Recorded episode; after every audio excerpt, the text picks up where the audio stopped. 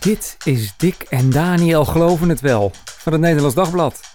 Koffiepraat over kerk en christelijk geloven. Met Dick Schinkelshoek en Daniel Gillissen. Hey, leuk dat je luistert.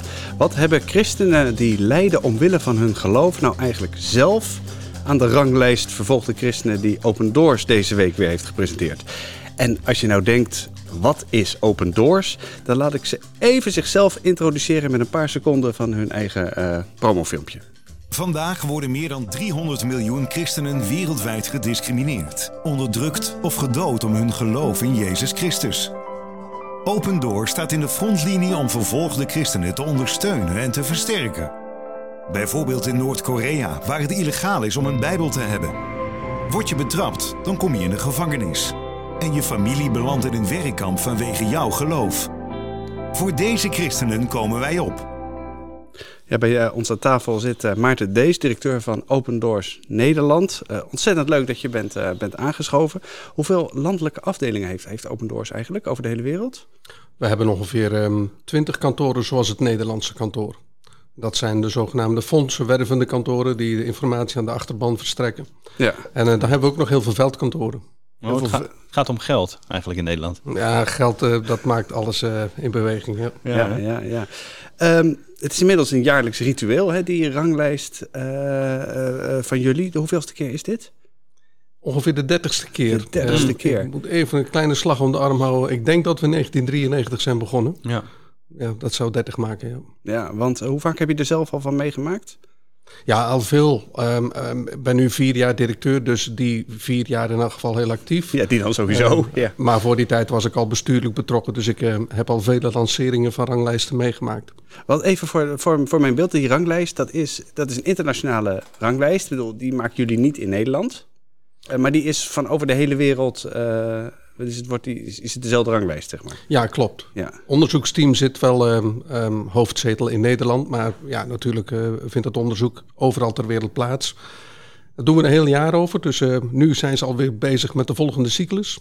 En, uh, ja, hij is eigenlijk alweer achterhaald, wil je zeggen? Nee, nou ja, hij is altijd achterhaald. Weet je, het is altijd het, het nieuws van gisteren wat we brengen. Uh, maar we proberen de grote trends uh, te identificeren en één keer per jaar dan de ranglijst te produceren. Maar dan komt dat in Open Doors internationaal ook in Nederland zit. Dat ja, klopt. inderdaad ja. Uh, de ranglijst hier wordt samengesteld uiteindelijk. Ja, klopt. We hebben twee kantoren internationaal, eentje in Amerika en eentje hier in Harderwijk. En dat onderzoeksteam, dat ja. zit dus ook voor een belangrijk deel in Nederland. Ja. Maar die wordt wereldwijd, de ranglijst, in één keer gepresenteerd. Ja. Ja. Behalve, dat was een... behalve met de advertentie in het ja. Nederlands Dagblad, die uh, een paar ja. uur uh, te vroeg uh, ja. al de, de, de, de top 10 bekend maakte. Ja, wij zijn erg blij als, als het lanceringsmoment s ochtends vroeg is, want dan gaan de kranten en alles gewoon, begint gewoon met de dag. maar dit keer, ter wille van onze Amerikaanse collega's met name, was het moment verschoven naar twee uur s middags. Maar ja. dankzij een foutje van onze kant hadden jullie de primeur s ochtends. ja, precies. Door een advertentie was het gewoon het nieuws al uitgelekt, ja. Maar het is niet altijd tussen de smiddags uh, de, het moment van presenteren. Dat verschuift gewoon, uh, ja, net uh, de ene keer heeft de een het voordeel en de andere keer de ander. Ja, precies. Dat is een compromis. Ja, precies. Ja. Ene jaar de ene wat mooier dan de andere.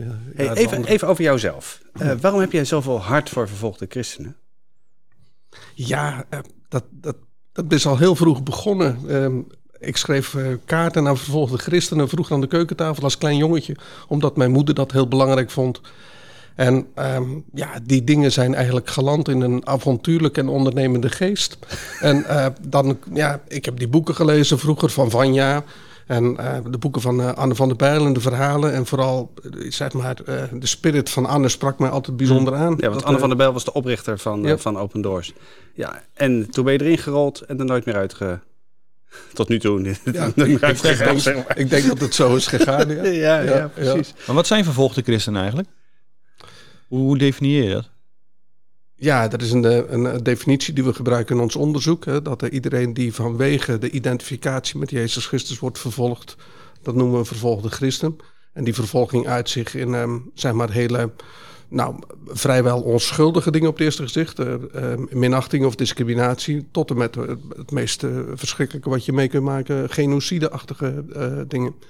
Um, nou, dat proberen we in ons onderzoek te pakken en ook zeg maar die gelaagdheid aan te geven. Ja, Ja.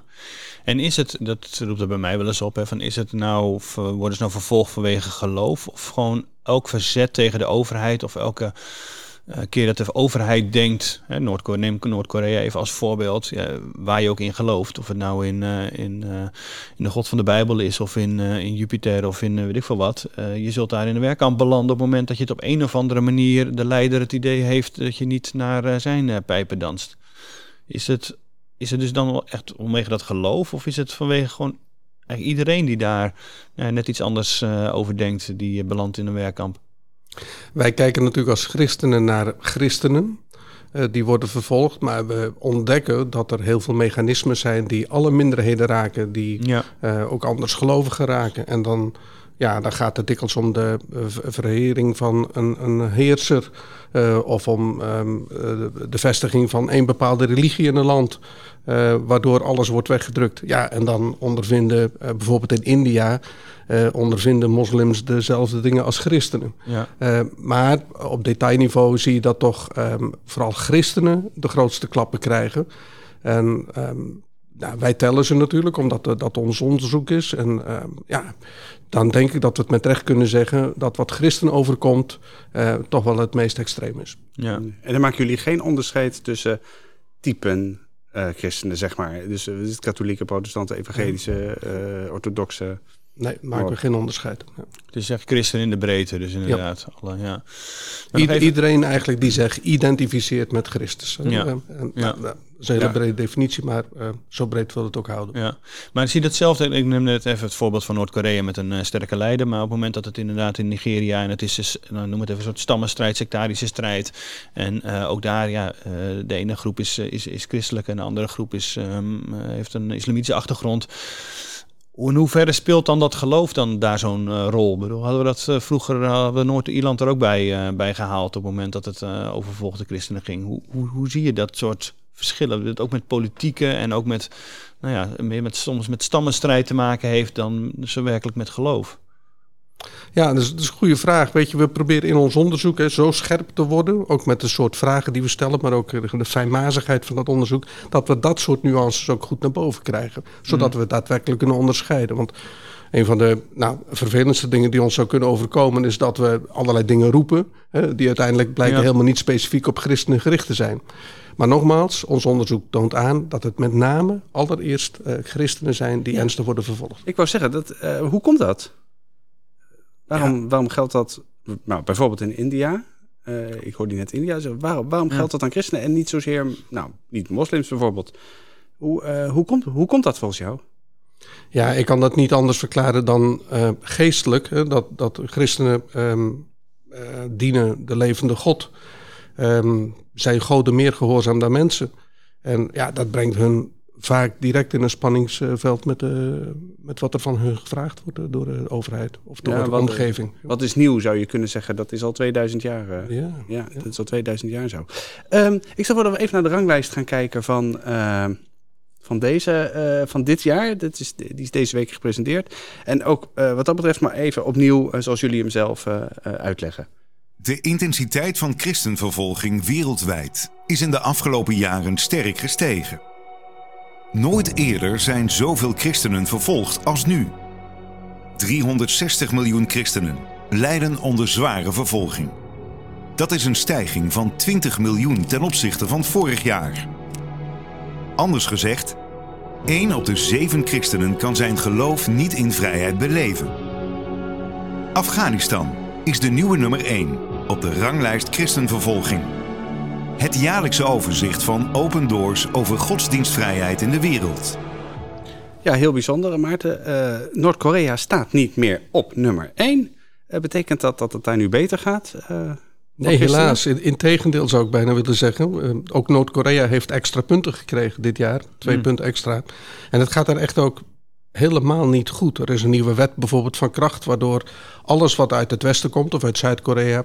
Uh, heel kritisch wordt bekeken. En uh, nou, dat wordt dus ontzettend gewoon uh, tegengewerkt ook. En dat betekent dat christenen, wordt heel snel gezegd, christen geloof is iets van het Westen. nou, dat, mm dat, wordt ook gewoon enorm onder de, het vergrootglas gelegd. Dus alles is erop gericht om de christenen te elimineren in Noord-Korea. Maar er was één land waar het nog weer net ietsje erger Ja, was nog. Dat is, eh, dat is Afghanistan. precies. En dat kwam voor ons niet uit de lucht vallen, want ze stonden al tien jaar op de tweede plek. Eh, met vrijwel evenveel punten als, eh, als Noord-Korea. Het klinkt bijna als, als je het zo vertelt, klinkt het bijna als een, als een, als een soort race. En, en, en, Wie staat er nu op één? wie, staat er nu op één? Dat Ja, is bijna, ja. bijna een beetje cynisch misschien. Ja, dat is bijna cynisch, ja. Ja. ja. maar zo is het wel. En eh, dankzij die hoeveelheid eh, geweldsincidenten zijn ze nu op de eerste plek gekomen. Als ik een beetje cynisch denk, dan denk ik, ja ja, Afghanistan is veel in het nieuws geweest afgelopen jaar. Dus het is ook, komt ook niet ongelegen als er een andere nummer één is. Mag ik die vraag eh, stellen? Ja, dat is een, dat is een goede vraag. En ik denk dat- we daar ook een heel goed antwoord op hebben. Wij doen ons onderzoek. Ja. En uit de onderzoek, eh, de systematiek, komt gewoon dit resultaat naar, bo- naar boven. En natuurlijk hebben we erover gesproken, intern ook, van is dat nou verstandig om Afghanistan op nummer 1 te zetten? En ik denk, ja, dat is, dat is verstandig, omdat we daarmee gewoon heel consistent on- ons onderzoekssystematiek blijven volgen. Ja. En niet ehm, stiekem toch iets van politiek gaan bedrijven. Nee, het was eh, geen PR-stunt om eh, Afghanistan nu op één te zetten. Nee, Dat, eh, nee, beslist niet. Nee. nee. Want hoe, eh, hoe werkt dat dan? Je, je hebt het over die, eh, die systematiek. Kun je daar een, klein beetje laten zien hoe dat dan, hoe dat dan gaat? Want eh, daar zit een soort van objectiviteit dus, dus in. Dus je krijgt een soort van punten. Ik hoor je zeggen, die, die hebben meer, meer punten, minder punten gekregen. Dus dat, nou, dat gaat op basis van criteria, neem ik aan. Hoe, Ja. hoe werkt dat? Hoe zit dat? Hoe gaat dat? We kijken naar vijf sferen waarin eh, christenen worden verdrukt. Vanuit eh nou, privé-situatie tot en met eh, familie, ehm, eh, leefgemeenschap, maar ook politiek in het land, maatschappelijk. En we kijken naar de geweldsincidenten. En op al die categorieën worden vragen gesteld. Eh, Dat doen we via mensen in het veld, mensen die in het land zelf aanwezig zijn. En die laten we toetsen, die antwoorden, door deskundigen over dat land, de deskundigen in, dat land.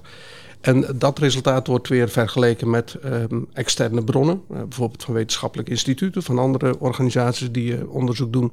En daarmee brengen we dan die lijst. eh, Dus het is drie stappen, drie stappen zeg maar. Dus de mensen in het veld, dan de deskundigen en dan de literatuur zeg maar, die Ja. wat hij erover zegt. Ah, ja. precies. ja. Maar dat betekent dus dat jullie in, in Noord-Korea bijvoorbeeld gewoon mensen eh, een vragenlijst hebben kunnen, kunnen voorleggen. Hoe, hoe, hoe gaat dat? Want het, lijkt me in Noord-Korea echt extreem moeilijk. Nou, er zijn natuurlijk landen, ehm, vooral die in de top 5 staan bijvoorbeeld, hè, waar het gewoon erg wel lastig is om op Nou, dat de, bedoel ik, op- ja. de grond eh, gegevens te krijgen. Mm. Maar dat geldt voor elke organisatie. Er is niemand die Ja. dat beter kan. Hè. Dus wij doen wat we kunnen. En eh, nou, daar kan ik niet over uitweiden. Maar wij komen aan gegevens en die laten we toetsen. En wie het beter weet, moet het dan zeggen. En dat is wat we dus eh, vertellen. En waarom zeg je, daar kan ik niet over uitweiden? Nou, omdat ehm, zeg maar onze netwerken kwetsbaar zijn. Oh, dat heeft met veiligheid. eh, Ja, natuurlijk met veiligheid van de mensen Ja, te maken hebben. ja. Ja. Ja. En eh, als je dan bijvoorbeeld naar, naar Afghanistan eh, kijkt, waar, wat maakte nou dat in Afghanistan, ja, ik weet natuurlijk Afghanistan, eh, Taliban eh, vorig jaar, maar dat ze nu al zo snel, ik bedoel, zo lang zitten ze er nog niet, eh, zijn ze niet weer terug eh, aan de macht, dat ze ze al zo snel eh, op nummer 1 zijn, eh, zijn geraakt. Ik vind dat wel door zorg, zorgwekkend, want dat is dan nog maar het begin misschien. Ja, maar weet je, ik zei er straks hè, dat ze staan al tien jaar op de tweede plek. Vorig jaar met bijna net zoveel Mm. punten in, in het onderzoek als Noord-Korea. Dus het komt niet uit de lucht vallen. Door de Taliban machtsovername zijn ze juist dat extra stapje hebben ze eh, met name op die geweldsincidenten eh, gekregen in het onderzoek. En daardoor staan ze nu echt heel duidelijk op, eh, op plek nummer één. Het is een Ja. ander soort eigenlijk. Want in Noord-Korea heb je de werkkampen dan. En hier gaat het om geweldincidenten. Dat is een andere vorm van, van geweld waar, waar ze mee te maken krijgen? Of nou, niet helemaal. Weet je, Nee? als je die categorieën bekijkt, de Ja. scores daarop, dan zitten ze ook overal aan het maximum in, in Afghanistan. Maar in Afghanistan heb je natuurlijk de onderdrukking in de clan, in de familie. Mhm. Een tribale samenleving. Dus daar is de druk van, van de omgeving, directe omgeving, heel erg groot. In Noord-Korea gaat het er veel meer om dat er een heel machtige overheid is. Met een, Ja. ehm, eh, iemand die zich als God laat eh, dienen. En eh, die druk op eh, mensen uitoefent. Dus de omstandigheden zijn verschillend, maar de uitingsvorm, hè, hoe komt dat bij mensen terecht? Dat, Ja, dat maakt eigenlijk dus. Het is onder de streep helemaal niet zo heel veel verschil. Want je hebt gewoon vreselijk, je hebt gewoon vreselijk zwaar als je daar in, wat is het, in Jezus gelooft. En eh, ja, dat verborgen doet of niet zo verborgen wil doen. Eh, want hoeveel, hoeveel, hoeveel Afghaanse christenen hebben we het eigenlijk? Ik heb daar helemaal geen beeld van, zal ik je eerlijk zeggen. Wij praten over duizenden. En dat is omdat we het niet precies weten en omdat we ook heel voorzichtig willen zijn met allerlei dingen duiden. Ja, die zitten onder de radar. Die zit onder de radar, natuurlijk. Ja. Er zijn ook wel mensen gevlucht, uh, recent. Maar er zijn nog steeds heel veel christenen in het land. En het is heel mooi, die, we horen ook dat ze vastbesloten zijn om te blijven. Mm. Natuurlijk geweldig. Uh, mensen die enorm gecommitteerd aan hun vaderland. Ook van harte uh, bereid om daar te blijven. En um, ja, dat, dat, vind ik wel een enorm hoopvol teken, moet ik zeggen. blijkbaar is de Heere God niet klaar met Afghanistan. Um, werd wel gezegd dat toen de duivel op aarde werd geworpen, werd hij in Afghanistan geworpen. Um, nou, dat hm. zegt iets over uh, hoe er door uh, verder naar dat land wordt gekeken. Maar als er dan mensen zijn die zeggen van ja, ik blijf hier, want hier heeft de Heere God mij geplaatst. En nou, dat is, dat is iets heel prachtigs. En, maar hoe kunnen jullie hen helpen met deze ranglijst? Ja, we vragen aandacht hè, van, van uh, het wereldpubliek uh, voor mm. de situatie zoals die is. En we proberen dat te objectiveren. Dat we niet alleen iets roepen, maar het gaat echt om wezenlijke zaken. Ook om um, fundamentele rechten van mensen. En dat brengen we op allerlei podia. We, we doen advocacy, hè, pleitbezorging. En dat doen we op de, de, de, meest, de grootste podia die er beschikbaar zijn in de wereld. Dat proberen we de, in Washington, bij de VN. We proberen in New York. We proberen het in Brussel te doen. Uh, in, ook, ook in hier Den Haag in ook, precies. In Den Haag ook, ja. Want er zijn ook kamervragen gesteld Ja, gisteren zijn er kamervragen gesteld en wij voeden dat proces. Hè. Dus we hebben contact met politici. Dan zeggen we, nou, uh, zouden jullie misschien uh, overwegen om kamervragen te stellen? En nou, dat wordt dan gedaan. Net zoals andere uh, nou ja, partijen schrijven u de kamervragen voor, voor, voor, de, voor de Kamerleden. Nou, of laat zo, ik zeggen, wij voeden dat proces. Ja. ja. En, wat, en wat kan ik als gewone gelovige ermee? Want ik krijg dit, uh, ik krijg dit via allerlei media, nou, onder meer via, via de krant, uh, krijg ik dit tot mij. En ik denk, jongen, wat is dat erg? En tegelijk, ja, ik zit in Nederland, in mijn kerk. Ik, uh, wat kan ik doen? Ja, God gebruikt gewone mensen. Dat zei Anne van der Bijl al toen die op pad ging. Die zei, ik ben helemaal niet bijzonder. Ik, ik doe alleen wat God van me vraagt. Ik ga. Um, altijd mooi dat hij zegt, de grote opdrachten. Mij is gegeven alle macht alle macht um, en dan ga. Dus nou, weet je, wat heb je te vrezen? Um, Eén man met God is een meerderheid, dus... Um, maar hij, hij smokkelde Bijbels naar, naar, naar Oost-Europa. Ik bedoel, ik zit nog steeds in Amersfoort. Ja, maar wij roepen op om te bidden, te geven en te gaan. Dus je mag ook gaan, hè? Uh, maar vooral begin met bidden. En uh, het gebed van de gelovigen vermag veel. Daar geloven we van harte in. Um, een mooie uitspraak van Anne ook, dat hij zei van de um, schoolklas van het gebed uh, vind je in um, de, de, klas van het gebed vind je in de school van het lijden. Uh, dus confronteer jezelf. Nog een keer, de, de klas, van de, het gebed? De klas van het gebed vind je in de school van het lijden. Uh, dus confronteer jezelf met lijden. Uh, neem de informatie tot je. Lees erover. Duik erin. Want dat stimuleert je gebed. Dat stimuleert je, stimuleert je betrokkenheid bij de vervolgde kerk. En dat is wat iedereen kan doen hier in Nederland. En ik zou zeggen, daarvoor mogen we ook geven, want er is veel geld nodig, zeiden we er straks al, om uh, hulp te kunnen bieden. Ja, wat doen jullie dan met dat geld? Ja, um, natuurlijk, uh, we verzorgen nog steeds bijbels. Hè. Er worden nog steeds bijbels gespokkeld naar uh, verschillende landen. overige literatuur. Um, we doen trainingen. nou, traumacounseling, een voorbeeld. In Noord-Nigeria ontzettend veel wreedheden. Daar hebben we um, traumahulp voor heel veel christenen. Uh, nou, dat soort dingen. Ja, dus is beide. Eigenlijk, je brengt het even het evangelie, zal ik maar zeggen, in bijbelvorm. Maar het is ook de zorg en de nazorg voor mensen die met, met gruwelijkheden geconfronteerd zijn. Wat wij eigenlijk doen is de kerk ondersteunen. Dus we gaan naar de kerk toe, we vragen, wat, wat hebben jullie nodig? Oh ja. Nou, en dan zeggen ze soms, geef ons alsjeblieft bijbels. En soms zeggen ze, doe ons een training voor een pastor. Of uh, willen jullie helpen bij uh, al dit verdriet? Of de wederopbouw van een school? Of ja. van, uh, dus je probeert met het netwerk in het land zelf daarmee, daarbij aan te sluiten. En als je dan over de top drie spreekt van Afghanistan en Noord-Korea en zo. Wat daar, ik weet niet hoe daar een, is daar een vorm van netwerk? Ja, er is enige vorm van netwerk. Ja? Ja, we hebben wegen om dat land binnen te komen en om contact te leggen met, met christenen. Okay. En hun hulpvraag te beantwoorden. Dus, dus direct contact met de christenen in die landen?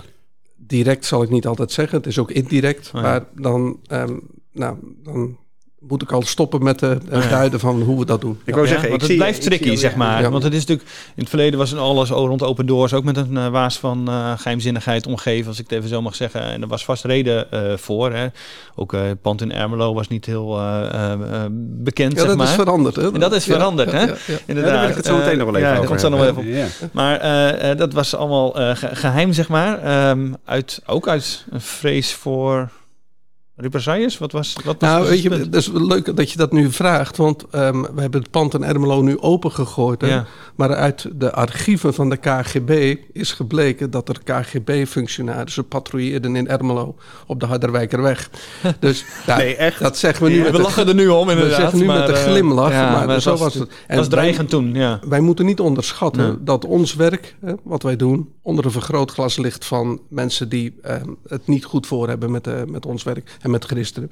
Dus wij zijn ehm, nou, per definitie erg voorzichtig. En zeker in landen waar het gewoon heel erg Ja, spannend is. want het blijft buitenlandse inmenging. Als je het even zo zou vertalen, buitenlandse inmenging in een land. En de landen als Noord-Korea en Afghanistan die denken, hey, eh, blijf even lekker buiten de deur. Je hebt hier niets te maken. Ja, het gaat vooral om de veiligheid van individuele personen, Precies, om, om ja. christenen. Eh, dus ja, weet je, dat eh, proberen we zo goed mogelijk te beschermen. Maar nu is dat risico eh, in Nederland er niet meer zo dat, nou, dat jullie het pand van jullie in Ermelo heel erg afschermen. Nee, te meer ook omdat eh, zeg maar de, de veldactiviteiten... die zitten niet meer op de locatie waar Open Doors Nederland nu zit. Dus eh, wij hebben gezegd van, ja, weet je, dat bericht moet naar buiten toe. De deuren moeten open, letterlijk en figuurlijk. Hè. Ehm, We willen laten zien wat er, wat er gaande is in de wereld. We hebben een bezoekerscentrum, eh, eh, maar ook figuurlijk. We willen ehm, zorgen dat eh, zeg maar, iedereen betrokken raakt bij de vervolgde kerk. Dat het niet iets afgesloten is, maar ehm, iedereen moet ervan weten. Iedereen moet betrokken raken. Als Ja. je je christen noemt in Nederland, kan het niet zijn dat je niks van de vervolgde kerk weet. Want we zijn één lichaam. Ehm 1 Korinthe 12, 26. Dus je moet als christen, zeg ik gewoon fors, je moet dat weten en je moet dus je plek daarin innemen. Ja, nog even, waarom, waarom moet? Want dat moet is wel eh, stevig, inderdaad. Nou, omdat het gewoon een Bijbelse opdracht is, zou ik zeggen. We zijn één lichaam en we hebben voor elkaar te zorgen. We dragen verantwoordelijkheid voor elkaar. En dan kan het niet zo zijn dat het, ehm, ja, het lot van een broer of zus van je in, in Christus, eh, dat je dat niet beroert. Ja. Ehm, dus dat is wat we proberen los te maken bij eh, christenen in Nederland. Ja. Er zijn meer organisaties die zich inzetten voor, voor vervolgde eh, christenen. Werken jullie met hen samen? Hoe werkt dat? We werken steeds intensiever samen. Er zijn wel tijden geweest dat dat, dat een beetje eh, schuurde, maar dat proberen we te vermijden. Want ehm, er is zoveel werk te doen. Hmm. En er zijn nog zoveel mensen die niet betrokken zijn bij het werk van, eh, nou, bij, bij de vervolgde kerk. Dus zeggen we, laten we de handen ineens slaan. Eén voorbeeld is, hè, Open Doors doet al jaren een zondag van de vervolgde kerk. eh naar Pinksteren. En we hebben nu afgesproken met andere organisaties dat we dat collectief doen. Hoe mooi is het dat er in Nederland één zondag van de vervolgde kerk is... waar alle denominaties, alle organisaties aan, eh, aan eh, meedoen. Ja, Werken jullie ook op, eh, wat is het nou, op, op het niveau van, van het veldwerk, zeg maar, samen? Want je hebt bijvoorbeeld, eh, wat is het, clubs als eh, Kerk in Nood, hè, de, grote katholieke organisatie. Je hebt Stichting de Ondergrondse Kerk. Hoe, je hebt nog, nog wel meer. Hoe, hoe gaat het ook concreet sa- samen ter plekke, zeg maar? Ja, hoor, onze veldteams werken eigenlijk heel erg veel samen met andere partners. Ja, die hebben, geen, die hebben geen logo achterop van, eh, Nee, nee, nee, wat maakt dat hen uit? Ja. nee, klopt. Ja. We proberen zo goed mogelijk de vragen van de vervolgde kerk te beantwoorden. En dat kunnen we niet allemaal zelf. eh, of misschien kunnen we het wel, maar zijn we daar niet echt helemaal in thuis. Dus dan zoeken we een partner die dat wel heel goed kan. Maar dat zal zoeken zijn, zeg maar. Je kan je dit soort dingen voorstellen. Je gewoon vanuit Nederland. Het is ook een fondsenwervende organisatie. Het is ook belangrijk om dat werk eh, financieel dus te steunen. Dat is het doel ook wat je in Nederland eh, hebt. En daarmee, op dat, dat soort momenten, concurreer je natuurlijk met elkaar. Zo werkt het gewoon in, nou ja, christelijk Nederland. Eh, eh, hoe, Nou ja, hoe doe je ja, dat? Ja, ik zou het wel overzichtelijk vinden als er één, één organisatie voor vervolgde christenen zou zijn. Als, als christen Ja. in Maar Nederland. lekker helder, hè? Ja, dat Ja, zou wel heel helder zijn. Het zou ook ja. wel handig zijn als er één kerk was. En dat nou, daar moeten we het dan ook nog maar eens over Ja, hebben. Dat ja. vind ik ook. Ja. Ja. Ja, de, de werkelijkheid is, eh, is anders. Ja. Maar in die gebroken werkelijkheid proberen we zo goed mogelijk samen te werken. En natuurlijk vissen we met anderen in één vijver. Maar die vijver is heel groot. En ik denk als het ons lukt om een dringend appel uit te oefenen op al die mensen die zich christen noemen in Nederland, dan hebben we heel erg veel werk te doen samen. Ja. ja. Hey, uh, je had het net over, over jullie pand. Ik ben een paar maanden geleden uh, bij jullie geweest. Ook een, een, rondleiding gekregen door de expositie die jullie daar hebben neergezet. Met die prachtige blauwe kever waarmee je... nee, het is niet originele, toch? Ja, het is niet originele, maar hij lijkt erop. hij lijkt erop precies ja. hetzelfde model waarmee Anne van der Bijl...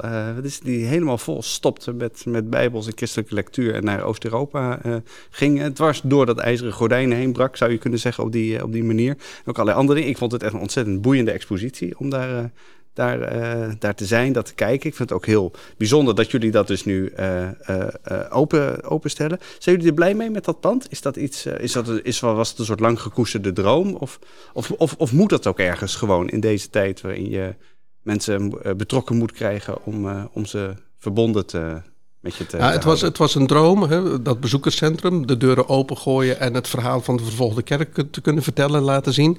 Maar dat was ook pure noodzaak het gebouw was helemaal op en we hebben jarenlang heel erg veel, um, nou, alles op de vervolgde kerk gezet. Gewoon, uh, niet geïnvesteerd in uh, stenen, maar in levende stenen. Mm -hmm. in, ja. Niet in dode stenen, maar in levende stenen. Uh, maar we konden gewoon niet verder. Het gebouw was op, um, ongedierte, um, zwinters ijskoud, zomers hartstikke warm. Dus er moest iets gebeuren. En het is een wonderlijk avontuur geworden. Uh, want iemand zei, nou als je wat later was begonnen, dan had je met veel hogere materiaalprijzen, als je al materiaal had kunnen krijgen, mm. te, te, maken gehad. Ja, door de, en, door de bouw is nu moeilijk. Door de crisis. Ja, het is wonderlijk op het precies op de juiste moment allemaal gebeurd. En we hebben ongelooflijk veel steun gekregen, waardoor, ja, dat is gewoon overweldigend. Dus uh, we zijn heel blij met het pand.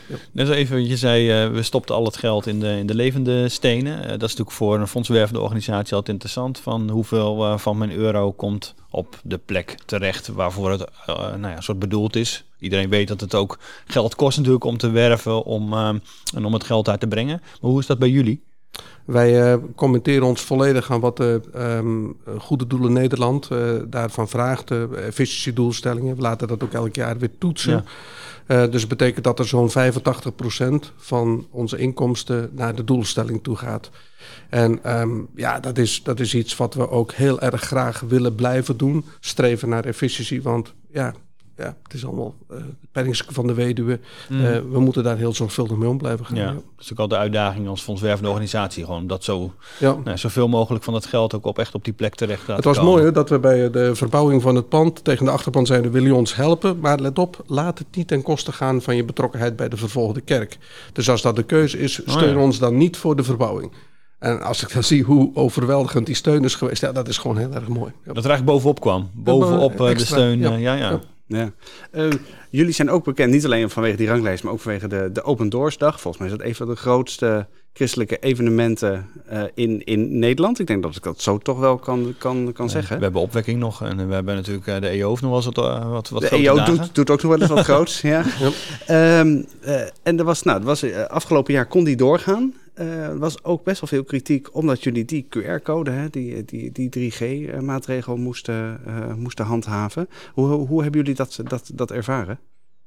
Ja, dat was eigenlijk toch wel heel, heel uh, nou, verdrietig hè, dat er best veel reacties zijn gekomen van mensen die dat niet met ons eens waren. Want het gaat waarschijnlijk uh, om hardcore uh, achterban, om even ja, zo te er waren mensen die al jarenlang ons ook uh, trouw volgen. Ja, die ja. dat ook wel. Ik was zelf persoonlijk wel verrast door de, de hardheid, hmm. het oordeel van enkele reacties, ook op heel persoonlijk niveau zelfs. Um, maar ik moet eerlijk zeggen dat dat um, in het algemeen genomen heel erg mee is gevallen.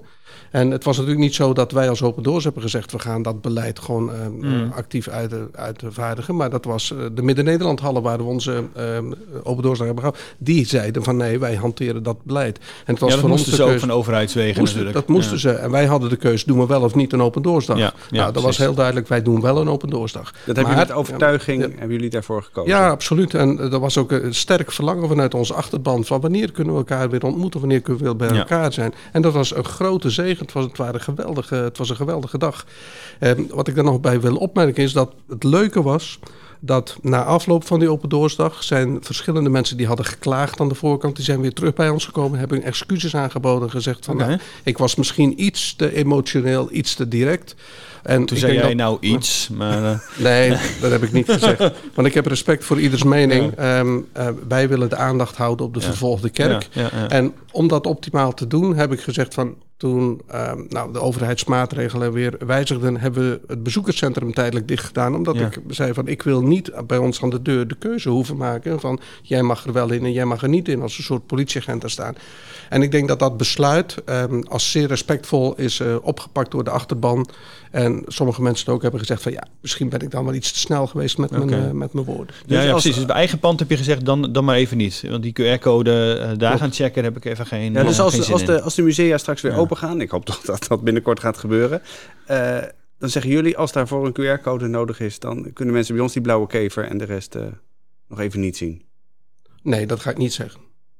Oké, dat is want dat ga je dan opnieuw afwegen? Of, eh, Ja, weet je, ik, eh, wat mij betreft gaan die deuren straks weer open. ja, ja, maar, natuurlijk. Nee, maar, maar, dat, eh, maar met een QR-code. Want dat zal waarschijnlijk de, de boodschap zijn. Als dat moet, dan gaan we ons daarop bezinnen. Ik ga nu Ja. niet zeggen van wat je wel of niet doet. Omdat je het eerder dan dus niet hebt gedaan. Omdat je eerder hebt gezegd, ik ga hem niet opengooien. Ehm, Of sterker nog, ik sluit de deur, want ik wil niet met zo'n QR-code aan de deur staan. nee, dat was heel duidelijk. Toen, in, ik denk dat het in november was, hè, dat eh, de overheid dat, eh, dat Ja. eh, uitvaardigde. Hebben we gezegd, nou, dan doen we het voorlopig even dicht. Maar als straks de deuren weer open gaan, ja, dan gaan wij eh, de deur ook echt open doen. eh, van het bezoekerscentrum. Mocht de overheid van ons eisen om daar een 2G-beleid op te zetten, dan gaan we daar eens even goed over nadenken. Mm. ja, ja, ja, Ja, 2G zal natuurlijk nog een, is nog een zwaarder middel dan de 3G natuurlijk voor, Ja. eh, voor veel mensen. Ja. Ja. Wat, wat vind je er sowieso van? Want ik bedoel, Ja. het woord 2G valt nou. eh, dat mensen in, dat, in dit verband ook wel het woord geloofsvervolging eh, in de mond nemen. Zo van, eh, om religieuze redenen wil ik geen vaccin. Nu word ik door mijn overheid uitgesloten. Dat is een vorm van geloofsvervolging. Ik bedoel, jij kent alle verhalen van geloofsvervolging in de wereld. Is dit geloofsvervolging? Ja, ik, ik denk dat we daar van, verder vandaan moeten blijven. Ehm, eh, kijk maar eens naar de ranglijst, hè, de top 50. Lees de verhalen maar eens van wat er gebeurt met mensen eh, in die landen. Verdiep je daarin en kom dan nog eens een keer tot een conclusie. Ik zei, het is onvergelijkbaar wat er gebeurt. En er zijn absoluut dingen in Nederland die natuurlijk ook eh, zorgelijk zijn. Dan moeten we goed waakzaam blijven. Maar we leven in een democratische rechtsstaat. Iedereen kan nog steeds Kees van der Staaij en Gert-Jan Segers kiezen in het parlement. Ehm, elke predikant kan nog op een preekstoel klimmen en daar van alles zeggen. Ook al komt er misschien wel eens een keer een reuring daarover. Maar kort en goed, we leven in een eh, vrij land ehm, waar we kunnen gaan en staan. eh, waar we willen. Eh, dus het is totaal onvergelijkbaar. Dus gebruik dat woord niet als het om... eh, dit Nee, ja. en ik ik zou zeggen, we, we- moeten ook een beetje oppassen dat, dat eh, die term, eh, dat er geen inflatie eh, plaatsvindt. Eh, gebruik dan andere woorden, bijvoorbeeld eh, vervreemding eh, en verdrukking voordat je aan vervolging toekomt. Dat is nog echt een, echt een andere categorie. eh. Andere categorie. ver- Eh, verdrukking klinkt ook al... Ja, Vind jij ook al stevig eh, klinken? ja, daar zijn we volgens mij ook nog niet. Dus eh, eh, ik hanteer veel de term eh, vervreemding en die ervaar ik zelf ook regelmatig. Mm. Nou, dat zal jullie ook, neem ik aan, eh, Ja. overkomen. Ja. Nou ja, precies. Dat je bepaalde overheidsmaatregelen denkt van, eh, moet dat op deze manier? Eh, maar tegelijk niet die overheid eh, als, als de tegenstander ziet die jou vanwege, nou ja, misschien wel geloof of overtuiging een, eh, een lesje wil leren. Nee, dat geloof ik niet. Nee. Ja. Hij bestaat nou 30 jaar, hè, die, die ranglijst waar we, waar we net mee begonnen. Ehm, wat is wat jou betreft nou echt een opvallende stijger of misschien wel een opvallende daler? Maar Laten we nou eens met dat laatste beginnen, dat is hoopvoller. Ik vind het absoluut hoopvol dat eh, Irak en Syrië en ook Egypte een paar punten zijn gedaald. Eh, Hm. Dat komt omdat er minder geweld is geweest dan de voorgaande editie. En ik denk dat het waard is om dat te noemen. Eh, aan de algemene omstandigheden voor christenen in die landen zijn, is nog niet zo heel erg veel eh, veranderd. Maar het aantal geweldsincidenten is afgenomen. En dat is, dat is winst. Ja. Is er een opvallende stijger? Ik bedoel, dus die zit dan misschien nog niet in de top 5, maar Ja, ik zou het twee willen in de noemen. gaten gaan Ja, houden. Ik zou het Ja. twee willen noemen. We moeten natuurlijk Qatar noemen, hè, waar Hmm. de- deze zomer iets gaat gebeuren. Eh, Er schijnt een iets te er gebeuren schijnt een evenement te gaan plaatsvinden. Ja. Goed dat je het Ja. zegt, ja. Ja. Moeten, we, moeten we daar naartoe? Ja, weet je, dat laat ik aan ieders afweging over. Maar ik denk wel dat het heel goed is om je te verdiepen wat er nou echt gebeurt in dat land. Hè. Eh, er zijn 6.500 ehm expatriate eh, werknemers al omgekomen bij Ja. de bouw van, van, de, van de stadions. Christenen hebben het daar heel moeilijk. Je mag daar kerk zijn als, eh, als expat op een compound, hè, als die eh, Ja. gewoon Ja, goed is afgesloten. gesloten is. Ja. Maar er zijn meer christenen dan er capaciteit is in kerkgebouwen. Dus christenen doen de vraag aan de Qatarese overheid: van mogen we meer kerken bouwen? En dat mag niet. Dat wordt, eh, ehm, wordt er niet toegestaan. Heel veel eh, Christen kwamen al samen in huizen, omdat er gewoon te weinig capaciteit was. Dat, dat, dat mag ook niet meer vanwege de pandemie. Um, en dat wordt ook niet meer toegestaan nu. Dus er is best wel heel veel meer druk gekomen op de christenen in, uh, in Qatar. Ja, want even het wereldkampioenschap voetbal uh, moet je dat plaatsen. Moet je dat, dat nou even zeggen? zeggen. Nou, er zullen nog andere. misschien is er een luisteraar die denkt: uh, waar gaat het ook weer over? Ja. Maar precies. En, maar hetzelfde uh, principe geldt voor China. Hè? ja, ik zou met China ook even noemen. Winterspelen. Als je kijkt naar wat er gebeurt met China, iedereen ziet het, die, die digitale vervolging zal ik het even noemen. Uh, maar waar China vandaan komt, uh, een aantal jaren geleden uh, bijna tegen de 50 aan de positie, 47. En nu op 17. Als, je de, als je de trend kijkt, dan is China echt erg verontrustend. En ja, hetzelfde geldt voor China. Kijk eens op de producten die je koopt. Overal staat made in China. En ja, wat moeten we daar dan van vinden? Ja, precies. Maar dat vind ik dus wel interessant. Dat is ook wel waar wij natuurlijk ook als Nederlands Dagblad steeds over nadenken. Van hoe commentarieer je daarover en wat vinden we daarvan en waar moeten we naar vragen? En je weet dat besluiten zijn genomen om daar de Olympische Winterspelen te houden. Om de economische banden met China zijn, uh, zijn sterk. Uh, Qatar inderdaad, de, de afspraak om daar te voetballen, die ligt er al lang. En uh, die ja, komt daar nog maar weer eens onderuit. Wat zijn dan toch keuzes die je misschien wel dan persoonlijk kunt maken? Om daar toch op een of andere manier invloed op uit te oefenen? Ik denk dat je heel erg dicht moet blijven bij wat um, de Bijbel van ons vraagt. Hè? Dat we ons moeten bekommeren om hen die gevangen zitten. En moeten meeleiden met uh, hen die de mishandelden, uh, omdat we net zo'n lichaam hebben. En denk van, hé, hey, maar als dat nou gebeurt in China of in Qatar... Um, kan ik dan bijdragen, direct of indirect, aan een systeem wat dat in stand houdt? En wat kan ik als uh, eenvoudig mens doen om dat in elk geval uh, tegen te gaan? Ik kan natuurlijk bij de minister van Buitenlandse Zaken vra vragen van... Hey, doe daar iets aan, maar hij is ook beperkt en die modus die lopen heel traag. Mm -hmm. um, maar ik heb ook zelf een verantwoordelijkheid. Dus ik denk van ja, weet je, iedereen um, moet daar toch wel zijn eigen positie in innemen. Ja, maar dat is zo, zo lastig, kan je ja zeggen, zeg maar, als je vanuit jezelf jij kijkt. Van hoe jij wil gewoon voetbal kijken.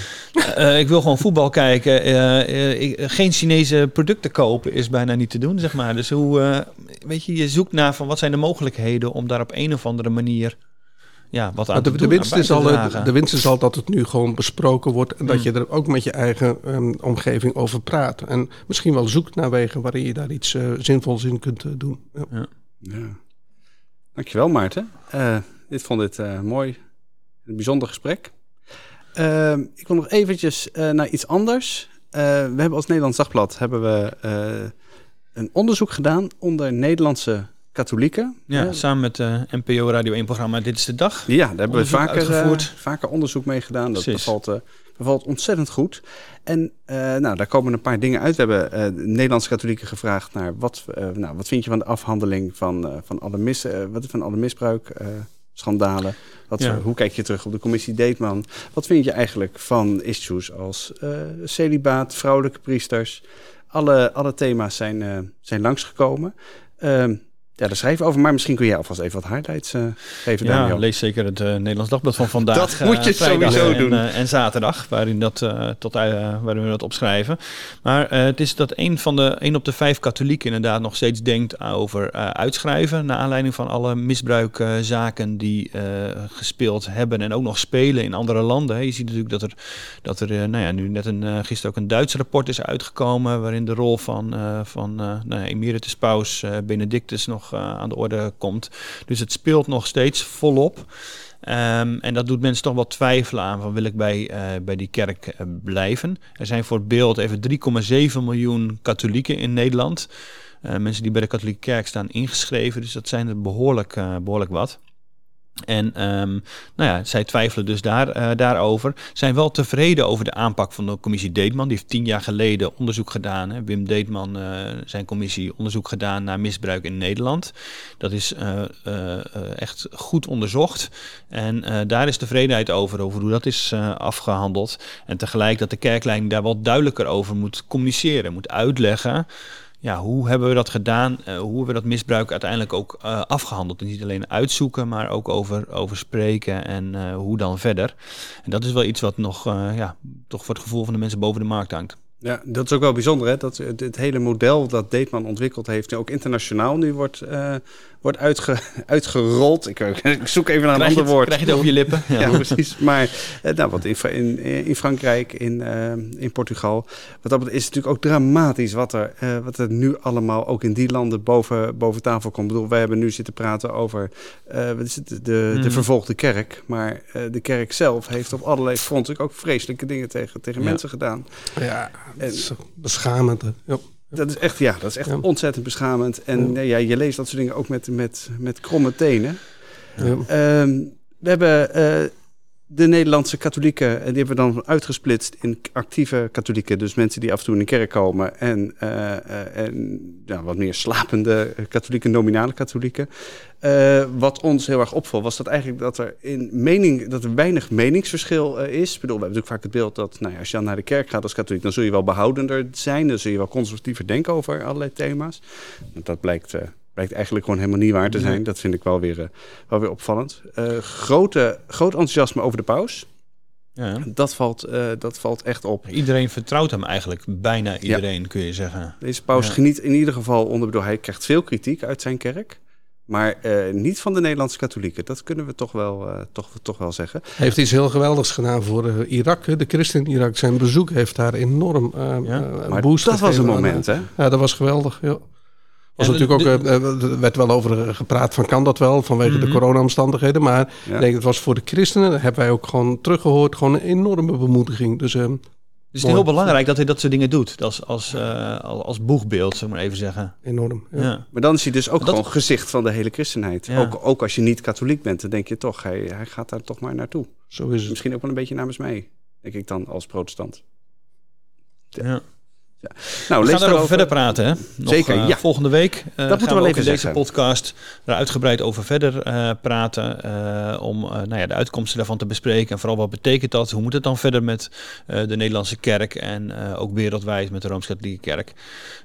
als het om dit soort ontwikkelingen gaat rond de afwikkeling van misbruik. En maar ook andere zaken als celibaat en dergelijke. Zijn dat houdbare um, ja, standpunten van de kerk? Ja, en tegen die tijd hopen we ook, uh, dat is het hier te kunnen vertellen, hoe de, de kerkleiding daar eigenlijk tegenaan kijkt, tegen dit onderzoek en tegenover wat Nederlandse katholieken allemaal willen. Maar voor nu, dankjewel voor het, uh, voor het luisteren. Dit was hem weer. Vind je iets van deze aflevering? Uh, laat dat ons dan weten via dikendaniel.nd.nl En vertel je vrienden, familie, bekenden, medekerkgangers, bijbelkringgenoot, neven, nichten en buren over deze podcast. En tot volgende week. Het was heel fijn om bij jullie te zijn. Dank eigenlijk voor de uitnodiging. Ik ben een trouwe volger van jullie podcast. En ik vind het ontzettend leuk om bij jullie te zijn. En ook dat de vervolgde kerk de aandacht krijgt. Dus uh, hartelijk dank. Nou, graag gedaan. Uitsmijden. Dank.